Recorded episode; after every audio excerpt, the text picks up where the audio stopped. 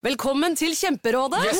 Denne gangen har vi fått inn et kjempedilemma fra en familie. Okay. Jeg leser Hei, vi er litt uenige i familien her. Mm. Hvis du skulle vært et dyr, ville du hatt gjeller eller vinger? Oi, den er tricky. Ja, Hva ville dere hatt, da? Altså, jeg vet ikke, men Med familierabatt får du ubegrenset data fra Telenor fra 399 kroner. Da kan du scrolle seg til svaret, rett og slett. Ja, ok, Men for min del Ja. gjelder. Nei, nei, Gjelder. nei, vinger. Nei, nei, gjelder. Ja, okay, ja, Kjempebra. Men eh, se nye mobilabonnement på telenor.no, da. Det er en deilig følelse når noen tenker på deg. Men det er ganske deilig når noen tenker for deg også. Når du velger Kolonihagen, kan du være trygg på at noen har tenkt for deg. Dyrevelferd og ansvar er hensyntatt, og du kan bare nyte den gode smaken. Derfor har vi i Rema 1000 et stort utvalg av økologiske kvalitetsprodukter fra Kolonihagen til en lav pris. Rema 1000. Det er sluttsummen på valgene vi tar, som teller. Ungsamtalen fra DNB er økonomisk veiledning tilpasset deg som er ung. Bokk en ungsamtale på dnb.no. ung. Ok, det var jo en syk døll måte å forklare ungsamtalen på, da. En smart prat om penga mine, ville jeg sagt. Ikke sånn kjedelig økonomisprat, skjønner du.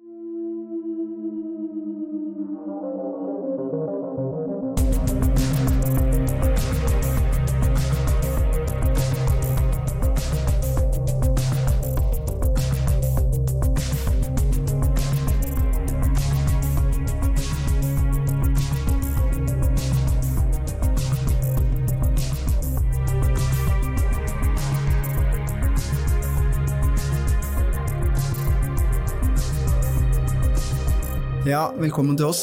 Eva Ragde, du er kriminaltekniker i politiet i Oslo.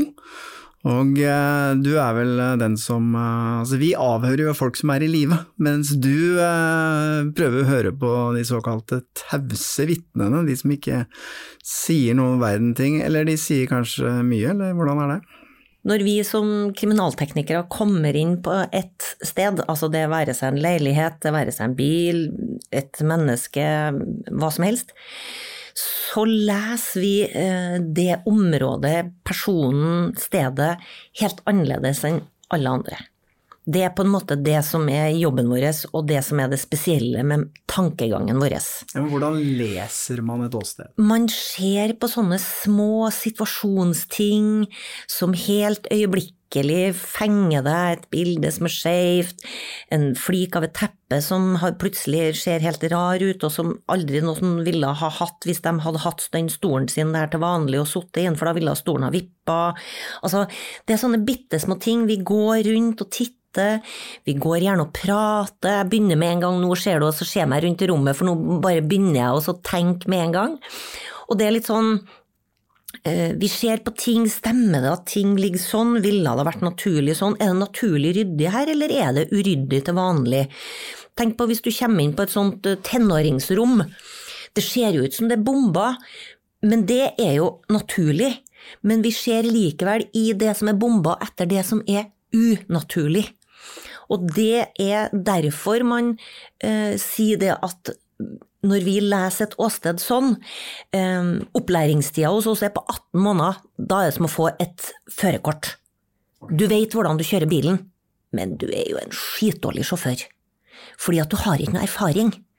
Og da må du gå rundt med folk som prater med deg hele tida og forteller deg hva ser du nå, utfordre deg på hele tida og skaffe deg den erfaringa som gjør at vi blir helt annerledes enn alle andre politifolk som tilnærmer seg et sted. Er det sånn at du tar det med over i privatlivet òg, når du kommer inn i et rom, sånn som det rommet vi sitter i her? Er det noe sånn du, du reagerer på når du kommer inn hit? Det er jo sånn at enkelte tror at eh, de må vaske veldig og, og rydde og ordne og fikse, for jeg kommer, jeg pleier å si at jeg syns det er veldig deilig at det lukter rent hos folk, og det er jo eh, en follow-up av at jeg er ikke noe glad i eh, lukter på generell basis som ikke er ålreit.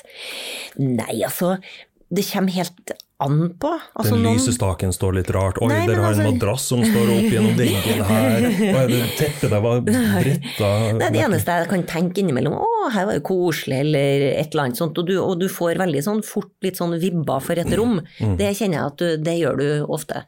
Du får litt sånn vibber for om du syns det er ålreit å komme inn et sted eller ikke ålreit å komme inn et sted, eller om du begynner å følge med eller ikke. Men er du avslappa og grei i en setting, så betyr det egentlig ikke så mye for meg, altså. Men hvor lang tid tar det da, å bli en god kriminaltekniker? Litt ettersom typen du er, da. Altså, jeg leter etter typer som skal være hos oss. De skal være naturlig veldig nysgjerrig, veldig kreativ, lite statisk i tankegangen sin, være veldig åpen, og samtidig stå støtt i skoene sine. Og jeg pleier å si det, før du har vært hos oss i fem år, så er du ikke noe god kriminaltekniker. Du må ha vært med på mange åsteder, og det er kun åsteder som egentlig gir deg erfaring. Mye av det materialet vi tar inn fra et åsted, gir deg eh, erfaring også i å tenke litt hvordan ting kan ha skjedd, ut fra eksempel skader i klær, skader på gjenstander eller annet. Men, men det der erfaringsbaserte, det er superviktig. Det er det er hele grunnmuren din, egentlig. Ja, Så du er aspirant i fem år? Ja, altså det høres jo litt sånn flåsete ut, men det er, det er, faktisk så enkelt som å si at det, det, Du må ha erfaring og det er på samme måte som når du kjører bil, ikke sant, når du har fått sertifikatet. Du må ha kjent på det der med å prøve litt sånn halv vannplaning en gang for å skjønne hva det egentlig dreier seg om. Du må ha prøvd å skli ut på glatt vei for å kjenne at oi, det er faktisk sånn som vi var på den banen, det er faktisk det som skjer på veien her. Du må ha prøvd å se at folk oppfører seg idiot i trafikken, og skjønne ansvaret ditt, og, og, og bli flink til å lese trafikken. Og kanskje det å være krimtekniker er det der med å være god på å lese et helhetsbilde. Det er jo som man sier, noen fotballspillere er best uten ball. Ja, men de er dritgode til å lese spillet, skjønne hva som skjer framover, og er super på å plassere seg.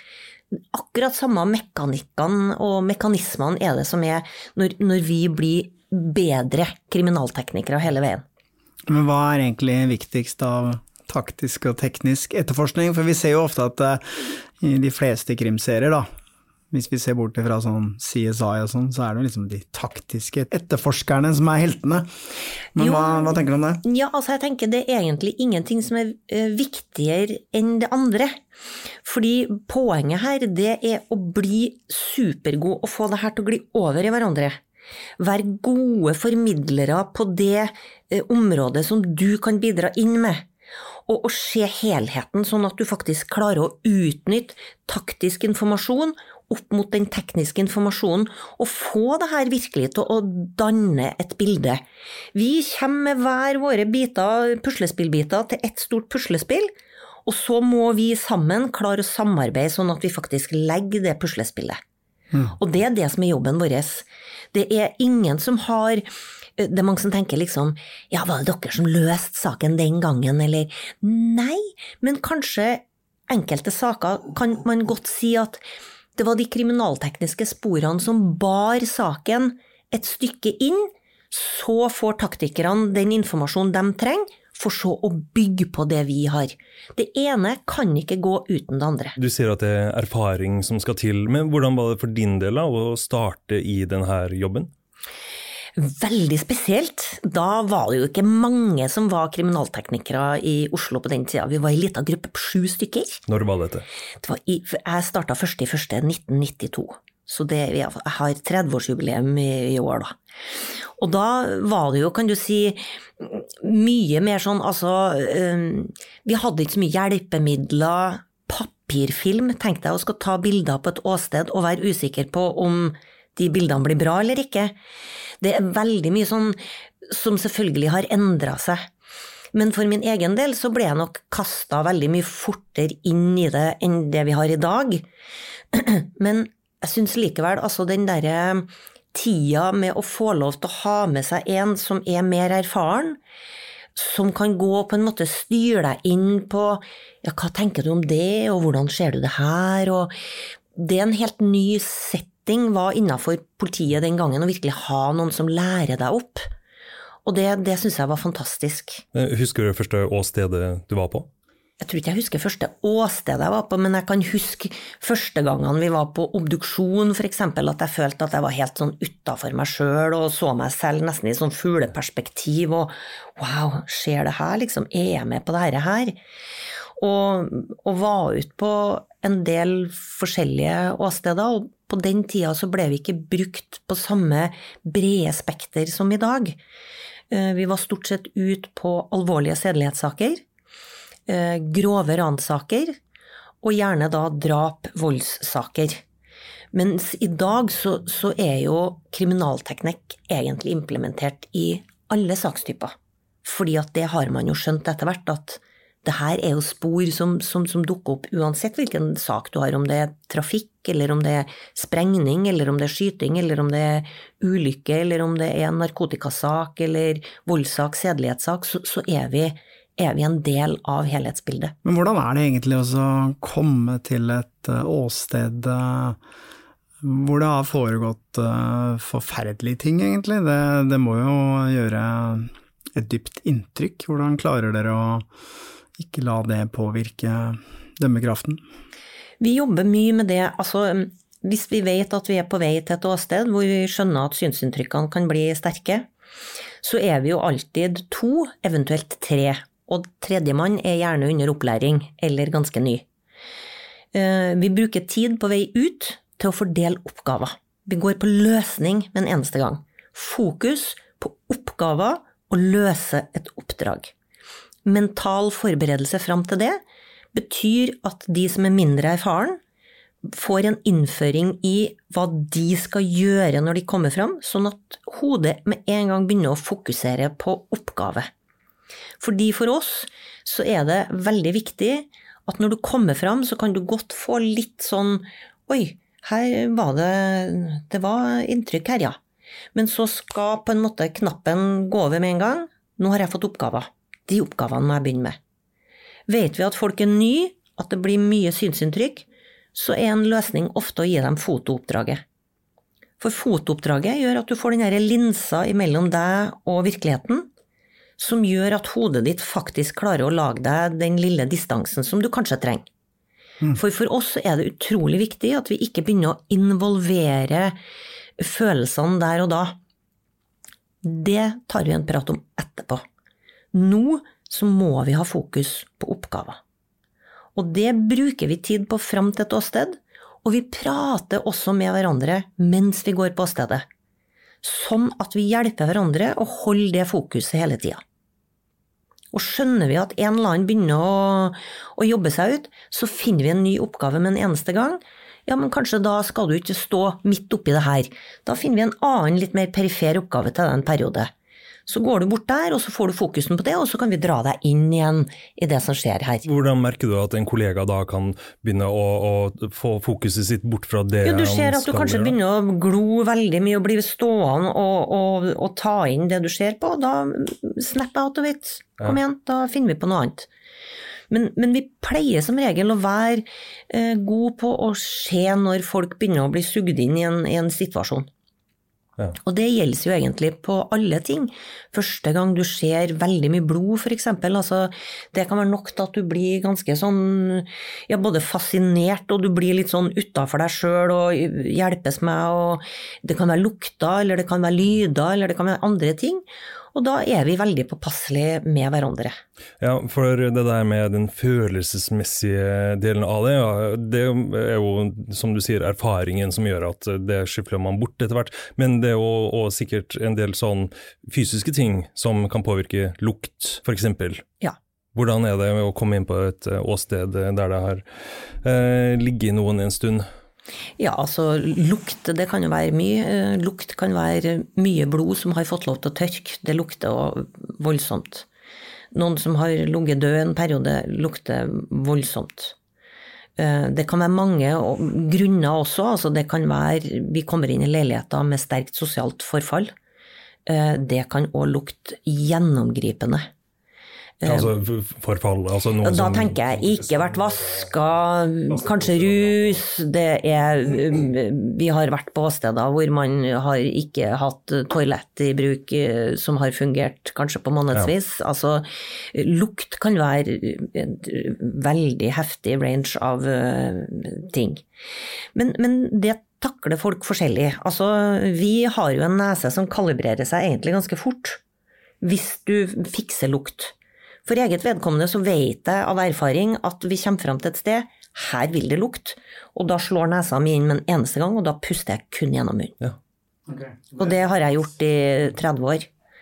Men jeg har jo sett på film og sånn at man smører noe under nesa. Ja, altså det blir, bare, blir bare å pynte Det blir som å ta deodorant på gammel svette. Det blir ikke noe bedre lukt av det. Det blir bare en annen lukt. Det enda sterkere. Ja, nei, altså det, det funker ikke. Det går ikke an å pynte på lukt, liksom. Lukt er skikkelig blæ hvis du ikke liker lukta, uansett om den blir pynta med noe mint eller peppermynte eller noe annet snafs, altså. Men eh, en sånn lukt da vil jo tilsi at eh, man kommer eh, litt seint ute. Eh, da har uh, offeret ligget der en stund. Hvordan er det å komme inn på et åsted etter å ha gått en lang tid siden drapet, hvis, hvis det er drap, da, kontra å være der like etterpå? Hvordan jobber man da? Uh, altså, du jobber ikke egentlig noe annerledes, men du eh, må bare forholde deg til at ting da eh, er veldig prega av både væsker og, og lukt. Og du kan si om det ikke er et drap, vi er jo ute på mye av det som heter mistenkelige dødsfall, altså mennesker som har eh, av en eller annen årsak eh, dødd bak eh, låst dør eller lukka dør, som ikke er låst, eller at det er andre omstendigheter som gjør at man ønsker å dokumentere eller se noe ekstra på det her, at det framstår litt sånn kan noen ha gjort dette selv, eller er det noen som har gjort det, eller uh, hvis vi skal identifisere noen fordi at de har blitt liggende så lenge at det ikke lar seg gjøre sånn helt uten videre. Sånn at um, det at du kommer inn veldig seint, gjør bare at du begynner veldig fort å ha fokus på hvilke ting som er tidskritisk, selv om du kommer sent inn. Eh, og så kan du begynne å ta ting i kanskje en litt annen rekkefølge enn hvis du kommer inn rett etter at noe antagelig har skjedd. Klarer du å legge fra deg jobben i den forstand at når du er ferdig, så tenker du ikke så mye på alle de grusomme tingene du har sett, eller eh, henger det ved deg? Det kan være um, noen ting som kan henge ved deg lenge, og det bør ikke nødvendigvis å være eh, noe voldsomme eh, greier, altså at selve synsinntrykket, men det kan være en detalj, et eller annet du ser inne der, at eh, noen kanskje hadde sittet og, og skrevet et hyggelig kort til noen, eller altså det kan, det kan være helt sånne rare ting som egentlig påvirker deg, fordi at da uh, nappes du inn i virkeligheten, og så klarer du ikke å se på det her som en situasjon, men da blir det faktisk noe veldig reelt nå, som du må ta inn. Men utgangspunktet er at jeg bruker de mekanismene som jeg har trent på lenge. Eh, Sette ord på ting ganske fort, prate gjennom ting ganske fort. Og, og holder den avstanden nettopp ved å holde fokuset på arbeidsoppgaver. Sånn at jeg ikke skal egentlig forholde meg til noen sånn stor virkelighet. Jeg skal forholde meg til den situasjonen som jeg har blitt satt til å jobbe med der ute. Lag merke til for min egen del at uh, hvis det er ting som syns kanskje har vært litt ille, da, for eksempel jeg husker vi var i, jeg og Helge var i Irak, uh, ved Mosul, og det var jo litt sånn trusler og snikskytter og jeg kom hjem da, så drømte jeg veldig mye. Jeg drømte at jeg ble kidnappa av IS og, og andre situasjoner i livet mitt også, så virker det som om det kommer en del, jeg vil ikke kalle det kanskje mareritt, da, men litt ubehagelige drømmer. Har du mye av det, eller? Eh, Det, det kan komme innimellom, og det har vi fått beskjed av, av fagpersoner, at vi, de videoene der skal vi bare la komme.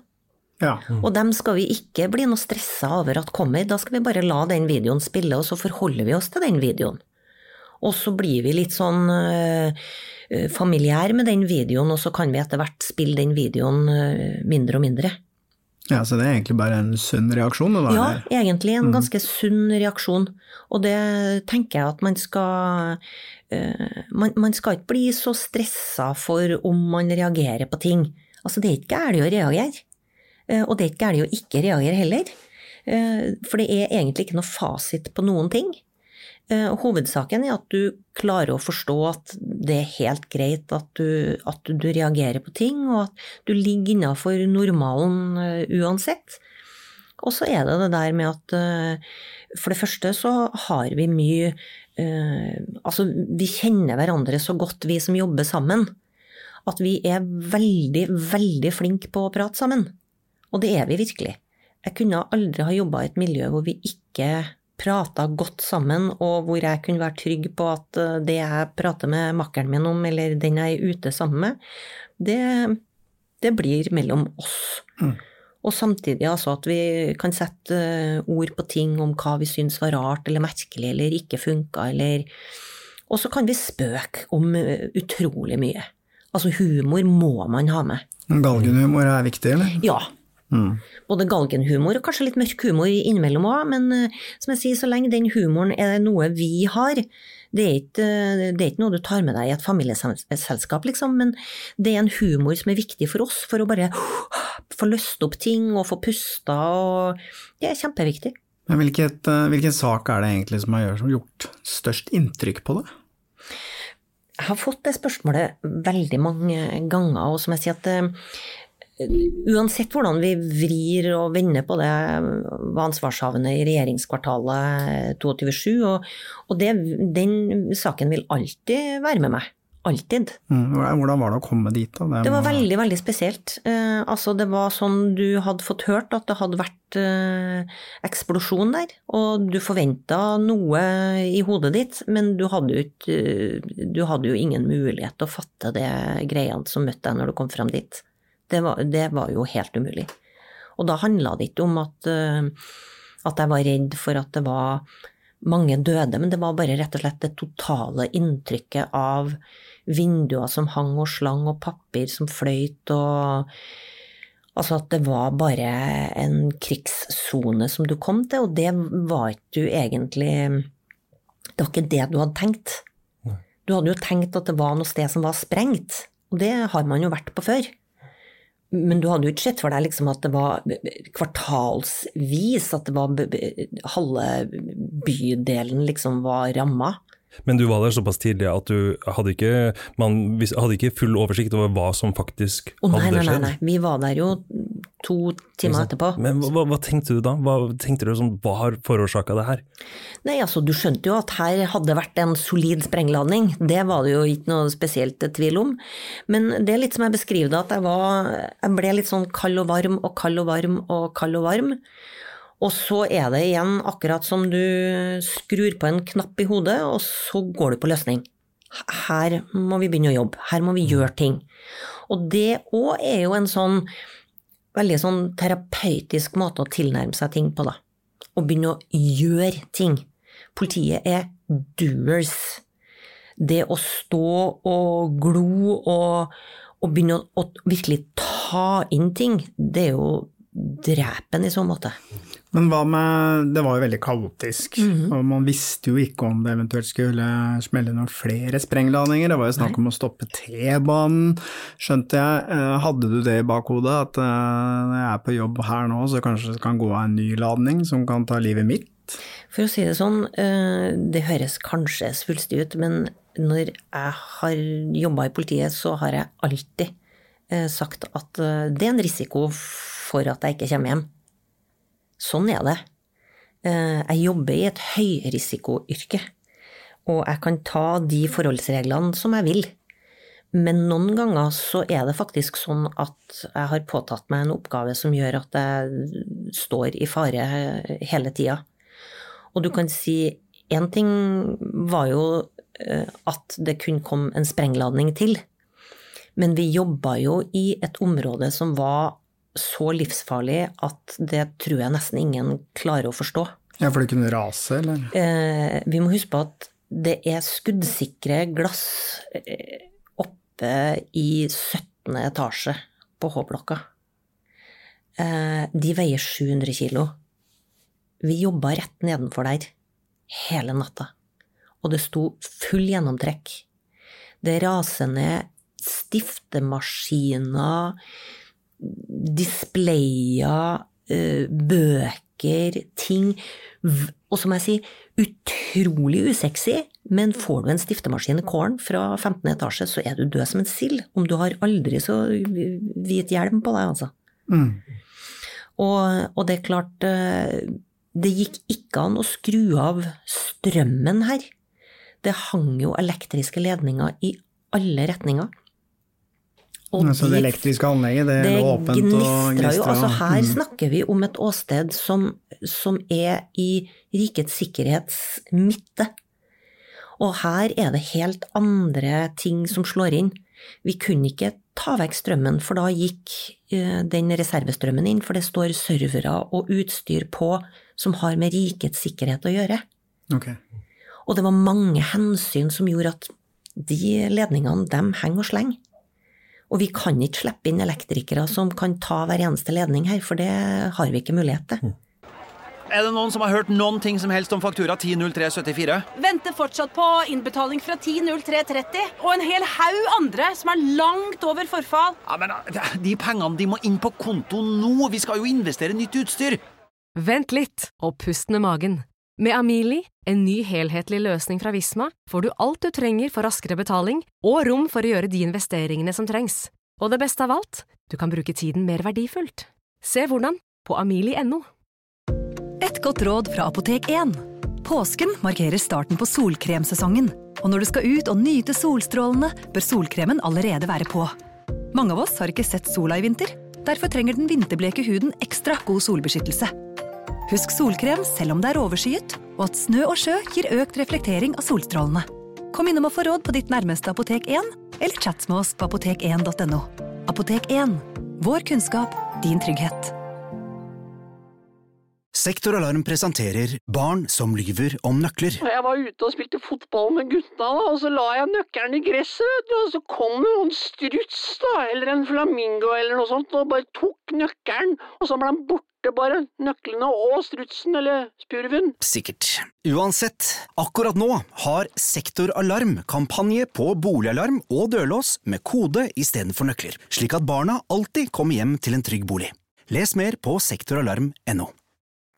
Det her høres ut som en veldig annen case enn å komme inn i en leilighet eh, med f.eks.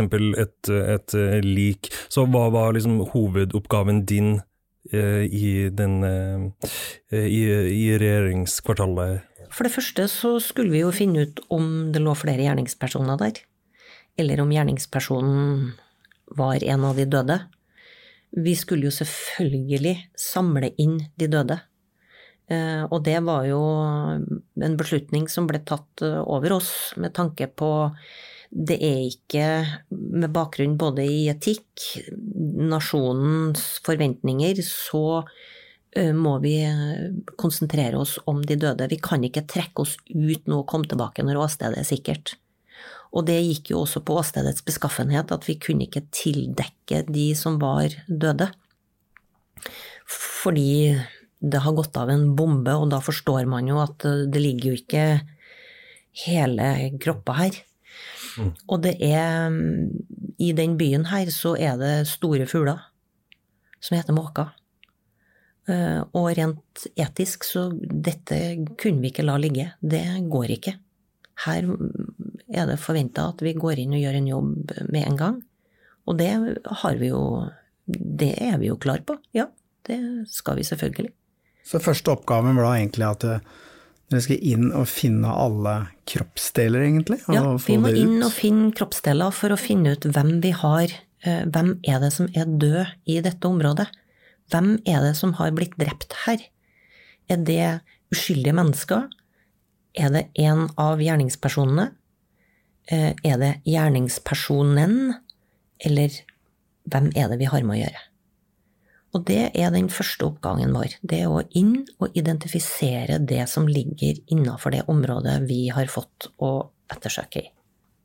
Men etter hvert så kom det jo meldinger om skytinger på Utøya i tillegg osv. mens du holdt på med dette, da? Hva, hva tenkte du da? Jeg hadde ikke noe særlig informasjon om det.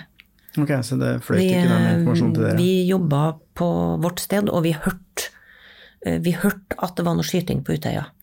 Og i hodet mitt så bare tenkte jeg ja, men det kommer jo aldri til å bli så ille som dette her, så det, det får bare seile sin egen sjø. Så hodet mitt var mer enn fylt nok med det jeg holdt på med. Mm. Og det var faktisk ikke før um, Vi jobba jo i nærmere 20 timer i første økt i regjeringskvartalet og var hjemme og sov i tre timer. Og når jeg våkna da, så forsto jeg jo at Utøya eh, ikke sto noe tilbake for regjeringskvartalet, for å si det sånn. Eh, og det var jo først da jeg skjønte liksom at herlighet, er vi i krig, eller er det, hva i all verden er det som pågår? Eh, Hva var liksom inntrykket ditt da du var på det åstedet der etter en stund? Fikk du følelsen av at dette var noe som mange hadde gjort, eller eh, hadde du noen tanker om det i det hele tatt? Vi fikk nok en, en ganske klar uh, følelse av at detonasjonen som hadde gått av der, den var konsentrert til ett sted. Eh, vi kunne ikke i løpet av det første døgnet se at det var noen andre steder hvor det var en sekundær eh, avsetning. Sånn at vi var ganske klare på at det, det er her eh, det har tatt av. Og vi finner ingen andre som har verken ting på seg, beskaffenhet som gjør at vi tenker at de har hatt noe belter, vester eller annet på seg. Og det blir viktig. Fordi vi kan ikke informere pårørende eller de som er nærstående til de vi finner i det området her, før vi vet at det er sikkert. Vi kan ikke gi en tilbakemelding om at den personen her er død, hvis det skulle utløse en ny celle.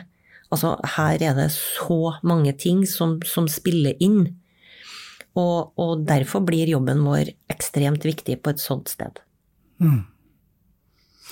Men eh, ja, det der var jo en forferdelig hendelse, vi håper at ikke det skjer igjen, selvfølgelig. Men, eh, men det er jo ikke det som er hverdagen din. Hverdagen din er vel eh, kanskje en litt annen type kriminalitet. Er det, det er ikke så mange drap i Norge da, gudskjelov.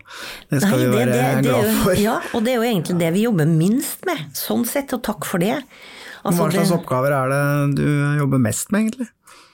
Nå er jo jeg den som jobber mest med narkotika, og da er det ikke med, med hvordan folk bruker narkotika, men eh, da tenker vi jo litt mer sånn type innførselssaker, produksjon av narkotika, eh, ja, eh, større partier, smugling, smuglerruter, type narkotika som eh, forefinnes på markedet, og i den leia der. Det er du jobber god på hasj? Hasjmarkedet? hasjmarkedet i det hele tatt. Altså, ja. Men da sett fra et kriminalteknisk perspektiv, da. Mm. Ok, altså dere undersøker de åstedene som blir oppdaget, da. Ja. ja. Og, ja, Og sånn type hasjfarmer og Alt mulig mm. produksjonssteder, og det er jo, det er jo mer sånn dyrkningssteder, da. Men det Hvor mange det- dyrkningssteder er det i Norge? Eh, mange. Ja, det er det? Ja, mange. Mm. Men vi har jo også folk som, som produserer eh, narkotika av annen type, altså framstiller det fra kjemikalier, halvfabrikater, skiller ut amfetamin, blande ut og støpe om på nytt igjen kokain. Altså innafor det området her så er det jo et, eh, en hel verden. Ja, hvor stort er egentlig, eh, det vet du kanskje ikke, men hvor stort er egentlig dette markedet i Norge, da? Hvor, eh, hvis du ser på de ulike narkotiske stoffene? Markedet i Norge er stort. Ja, det er det? Ja. Mm. Man har jo inntrykk av at mye kommer fra utlandet, men det høres ut her som at det er ganske vanlig med disse her norske plantasjene. Ja, både norske plantasjer og også det å tilvirke halvfabrikater som du får fra utlandet. eh, Og, og da skille ut eh, pulverstoffer, det er ikke noe uvanlig det heller. Bringer det inn som oljer eller eh, andre typer kjemikalier, og så jobber du med det her og utvinner noe helt annet. Og hva, blir, hva er det helt annet som blir resultatet? Da kan resultatet f.eks. bli amfetamin. Ja. Eh, Det jobbes også mye med et stoff som heter DMT, som er et sånt eh, går inn i hallusinogenfamilien, for å si det sånn. Eh, Som også er et stoff som vi ser svinge seg litt. Og hvor finner man en sånn klassisk plantasje da? Er det ute på et små bruk ute i Trøgstad, eller kan det være nede i Bjørvika her? Jeg tror nok at veldig mange hadde blitt uh, veldig overraska, for dette her uh, Du kan produsere veldig mye på um, lite areal. Og for å si det sånn, om du bor i ei blokk eller et rekkehus eller uh, hva som helst, så, så finner vi det overalt. Og det er ikke sentrert mot noe bydel heller.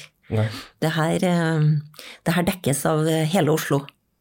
Men, men eh, ok, i forhold til narkotikakriminalitet, hvis dere oppdager f.eks. en sted det dyrkes narkotika eller produseres, hva, hva er deres eh, oppgave der? Det er ikke det en ganske enkel sak? Det. Her har vi narkotika, eh, du er i leiligheten, klakk, klakk.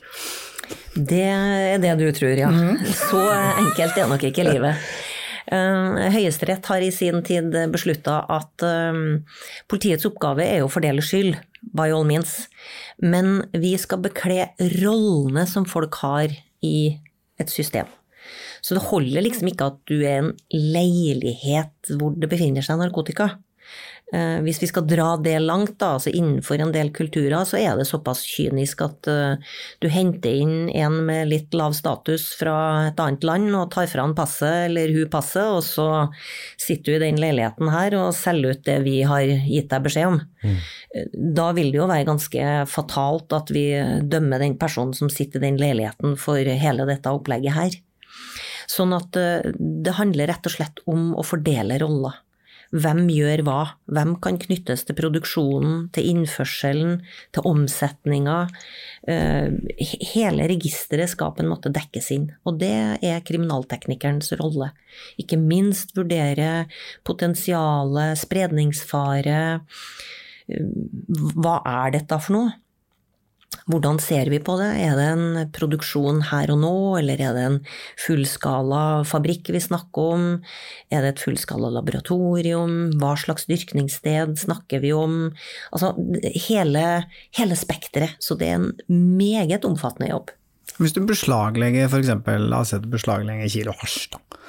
Hva, hva kan den hasjen fortelle deg? Den hasjen kan fortelle oss ganske mye. Uh, hasj er stort sett merka eh, med en logo. Og det de har egen logo? Sånn de, de, aller fleste har sin egen brand og egen logo. Eh, det går på, det blir som om du røyker Lucky Strike eller Teddy, eller altså du har logo akkurat som du har merking på snusen eller hva som helst. Altså du, du snuser ikke hva som helst. Nei, nei det er sant. Nei. Og, og, og, dette her eh, er det samme på f.eks. hasj, eller typer av cannabis sativa, altså denne Da snakker vi om marihuana og toppskudd. Um, sånn at bare det å finne ut eh, hva dette er, hvor det kommer fra, hvordan det er pakka, eh, hvordan det fordeles, styrkegrad um, det er, det er, et vel. Det, det, er en hel verden. Det er mye informasjon? Ja. ja ok. Men hvordan kan man bruke den informasjonen? Kan det knyttes opp til andre beslag, til importører? Hvordan jobber man? Vi kan selvfølgelig finne ut hvem leker med hvem. Hvem driver og har de samme logoene. Hvem, eh, hvem sitter på utsalgsstedet her. Det, det, er mange ting som du bruker dette her til rent kriminalteknisk, og det er jo jobben vår. Mm. Hvem knytter vi til det med generelle spor som DNA, fingeravtrykk eller annet? da? Og ja, det, det, er veldig mye informasjon som ligger i de beslagene som vi jobber med. En tendens de siste årene har vært at eh, folk bestiller narkotika fra utlandet, får det i posten og tenker at det er en eh, god idé. Og dytter seg eh, de stoffene som kommer da sånn i posten, eh, opplever dere ofte at det er eh, farlige ting? At det er ting som kan ta livet av deg, osv.? Hvordan er det? Altså, det er vel kanskje den største uh, logiske bristen oppi hodet mitt.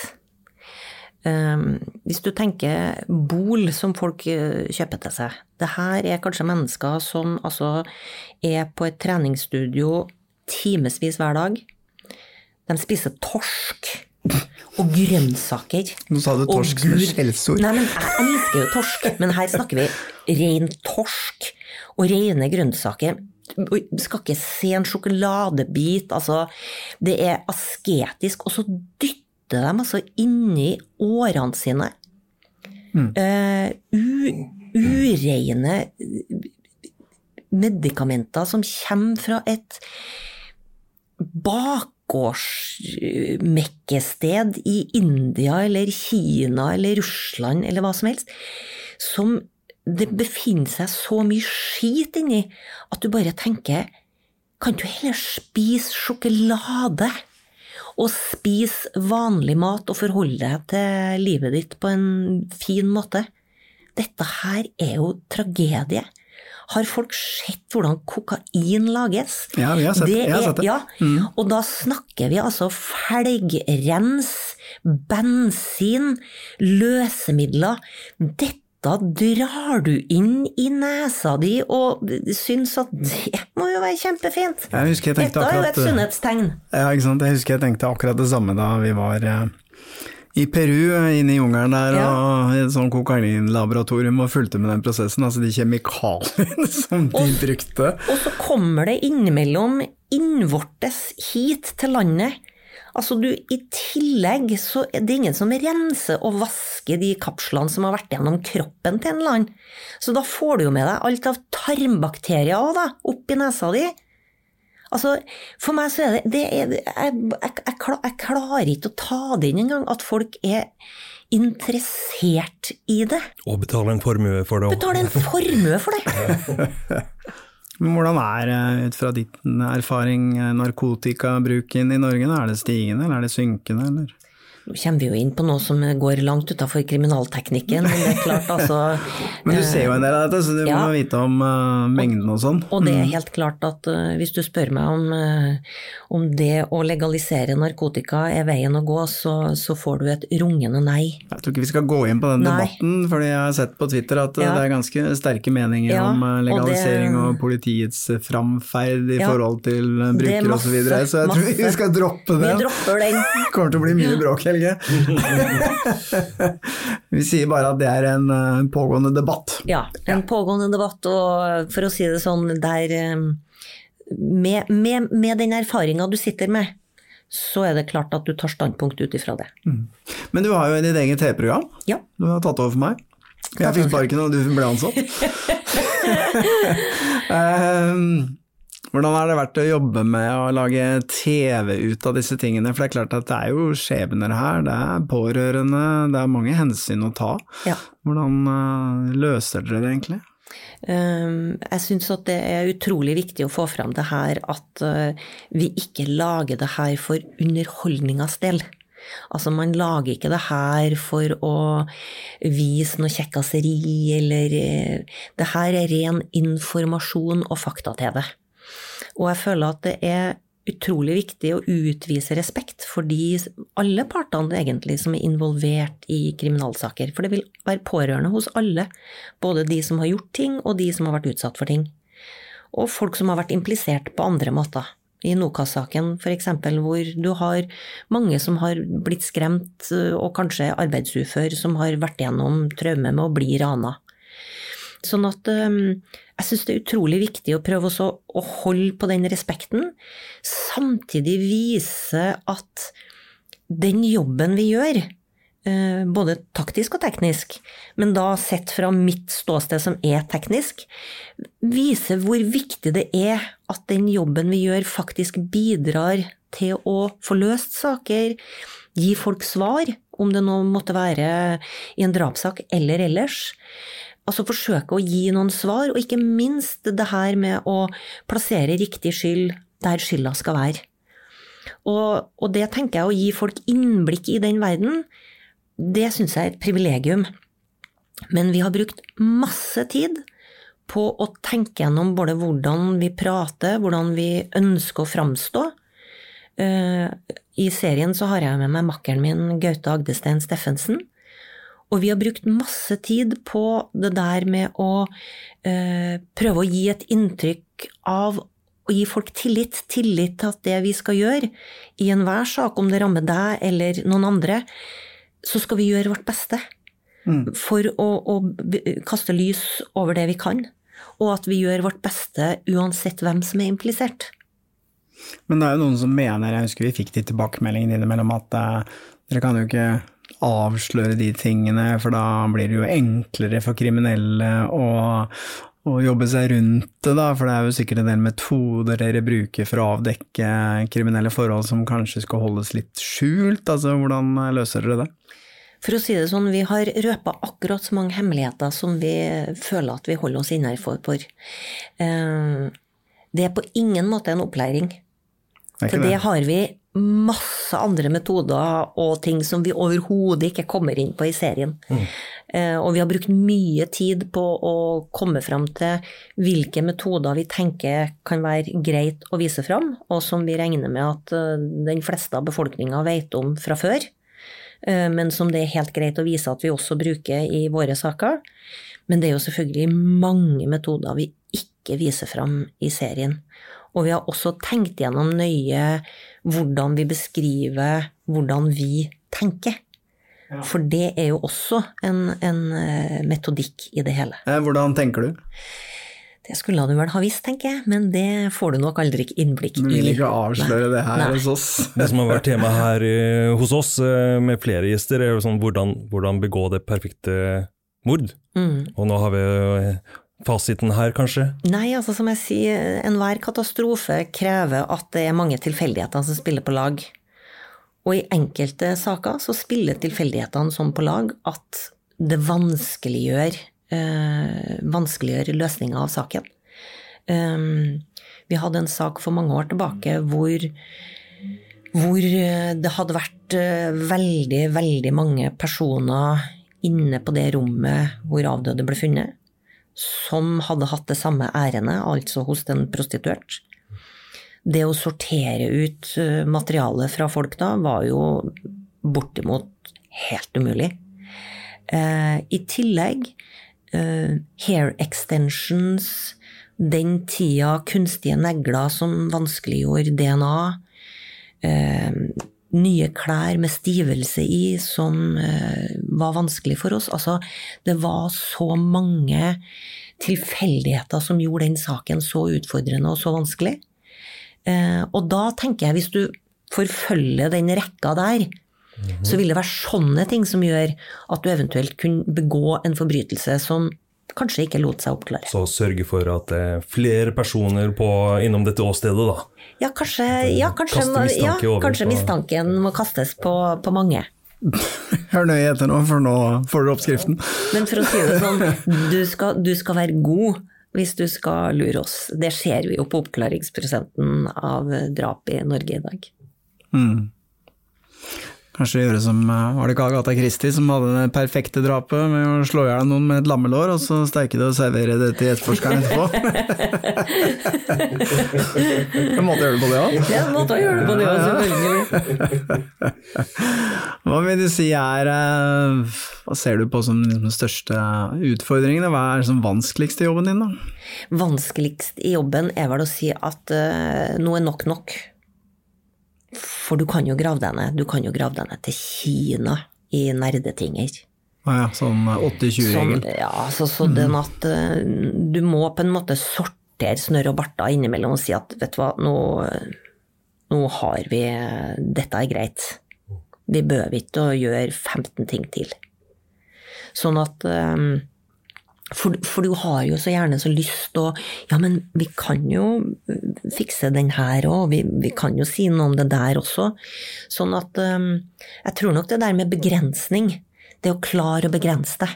Når du først liksom går inn i den her eh, spinnville verden som, som det her dreier seg rundt. Men er det sånn at uh, det er ganske mye informasjon dere får fram på et åsted? Blir alt lagt fram i retten, eller er det noen som bestemmer hva som skal legges fram og ikke legges fram, eller hvordan fungerer det? Ja, altså det er en viktig greie. Altså I utgangspunktet så pleier vi å si at vi legger fram den informasjonen som har betydning for den saken her. Men all overskuddsinformasjon, den befinner seg jo i våre arkiver. Alle mangel på spor, andre eh, Men du kan si, får vi jo en identifikasjon av et fingeravtrykk eh, i en rapportsform, så legges jo den inn i saken uansett. Og så blir det jo opp til taktikeren å vurdere skal vi jobbe ut det sporet, eller er det en naturlig forklaring på noe. Mm. Ja, for vi har jo hatt en del i Jeg må jo stille spørsmålet her sånn, selv om eh, du kanskje ikke liker det. Men eh, vi har jo hatt en del i studio som kommer med en del påstander om at eh, ja, politiet de siler litt opplysninger, ja. de legger fram det som kan få deg dømt, og holder tilbake det som kan kanskje så tvil om skyldspørsmål osv. Er det sånn dere jobber? Du kan si at eh, for kriminalteknikeren Altså, jeg kan jo ikke bestemme hvilke spor som skal komme frem hvor. Eh, hvis vi tenker oss den bordflata her, f.eks., det er jo ikke synlig de sporene vi leter etter. Altså Det er jo hudavsetninger, det er jo ikke synlig. Jeg vet jo ikke hvem som har avsatt de sporene. Jeg leter jo, og vi leter jo overalt. Og vi forteller jo hvor vi har sikra spor hen, og hvilke spor som kommer fram hvor. Og det er jo litt som jeg sier at jeg skal jo ikke dømme noen, jeg skal bare fortelle at her har jeg funnet blod fra deg, på gulvet her. Der ligger det en død person. Explain it. Altså, det, det er ikke noe mer enn det. Jeg skal jo ikke gjøre noe mer enn Men det. jeg er jo blodgiver, da. Jeg Ja, ikke kan Altså, blodet mitt, ja, men altså, da må det være Mhm. eh, Da er det andre som avhører deg, og som, som du må komme med en forklaring til. Jeg bare legger fram at her er de sporene vi finner, og noen ganger så kan du jo si at jøss, var, var det det? Ja vel, var det fra han der, eller fra hun der, eller ja, det vet jo ikke vi noe om. Var det blod fra den der? Ja, det kommer som en eh, overraskelse, for det så vi ikke komme. Jøss. Altså, utgangspunktet er at du går inn og sikrer spor. Det viser du jo med bilder, og vi viser jo med bilder til enhver tid hvordan et sted ser ut når vi kommer dit. Og man kan jo godt høre om de utroligste ting med planting av det ene og det andre. Da skal du være god, altså. Klart at eh, Helt til slutt så det hender jeg blir litt irritert på Helge, selvfølgelig. Han sier jo mye rart. Men eh, hvis jeg tok livet av han i dette rommet her, sånn, ville det være mulig for meg å fjerne absolutt alle spor. Det er ikke det. Det er ikke mulig? Nei. Det er falt den planen, Helge. Eh, Salmiakk og klorin og Ja, men du skjønner det at til og med vaskespor kan vi jo få frem, sånn at det Nei, det Og du vil aldri klare å vaske bort alt. Det vil du ikke klare. Nå ble jeg litt skuffa, Helge. Du kommer til å overleve den dagen her òg. Bensin å tenne på hele kåken her, da. Hva da? Nei, vi finner som regel det vi trenger da. Det er ikke noe håp. Vi har, vi har, vi har hatt uh, drap der folk har tent på etterpå, og det har ikke hjulpet noe, det. altså. Nei. Nei, det er jo på mange måter eh, betryggende å vite det, at eh, du blir eh, sannsynligvis tatt hvis du finner på noe sånt noe. Men det var hyggelig at du kunne komme til oss og fortelle om yrket ditt. Det er jo spennende å høre. Og så eh, regner jeg med at du har nok å gjøre, så du sa jo det. Så du får egentlig bare løpe videre til neste åsted. Jo, tusen takk, og takk for at jeg fikk lov å komme. Avhørt er produsert av Batong Media. Redaksjonen vår består av Stein Morten Lier, Helge Molvær og Lars Christian Nygårdstrand. Temamusikken vår er laget av Altered States, og hvis du vil høre eksklusive episoder av Avhørt, gå inn på podmy.no eller last ned Podmy-appen. Du finner oss på Facebook som Batong Media, eller på Instagram som Avhørt podkast.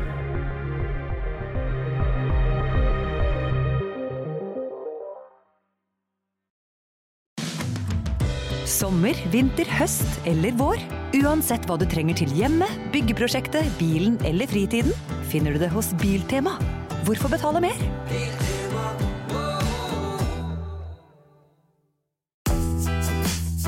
Hva er forskjellen mellom et kjøleskap og et annet? En vaskemaskin og en annen. Denne oppvaskmaskinen i stedet for den. Velger du Bosch får du slitesterke produkter som verken sløser med vann eller energi. Rett og slett bærekraft som varer. Like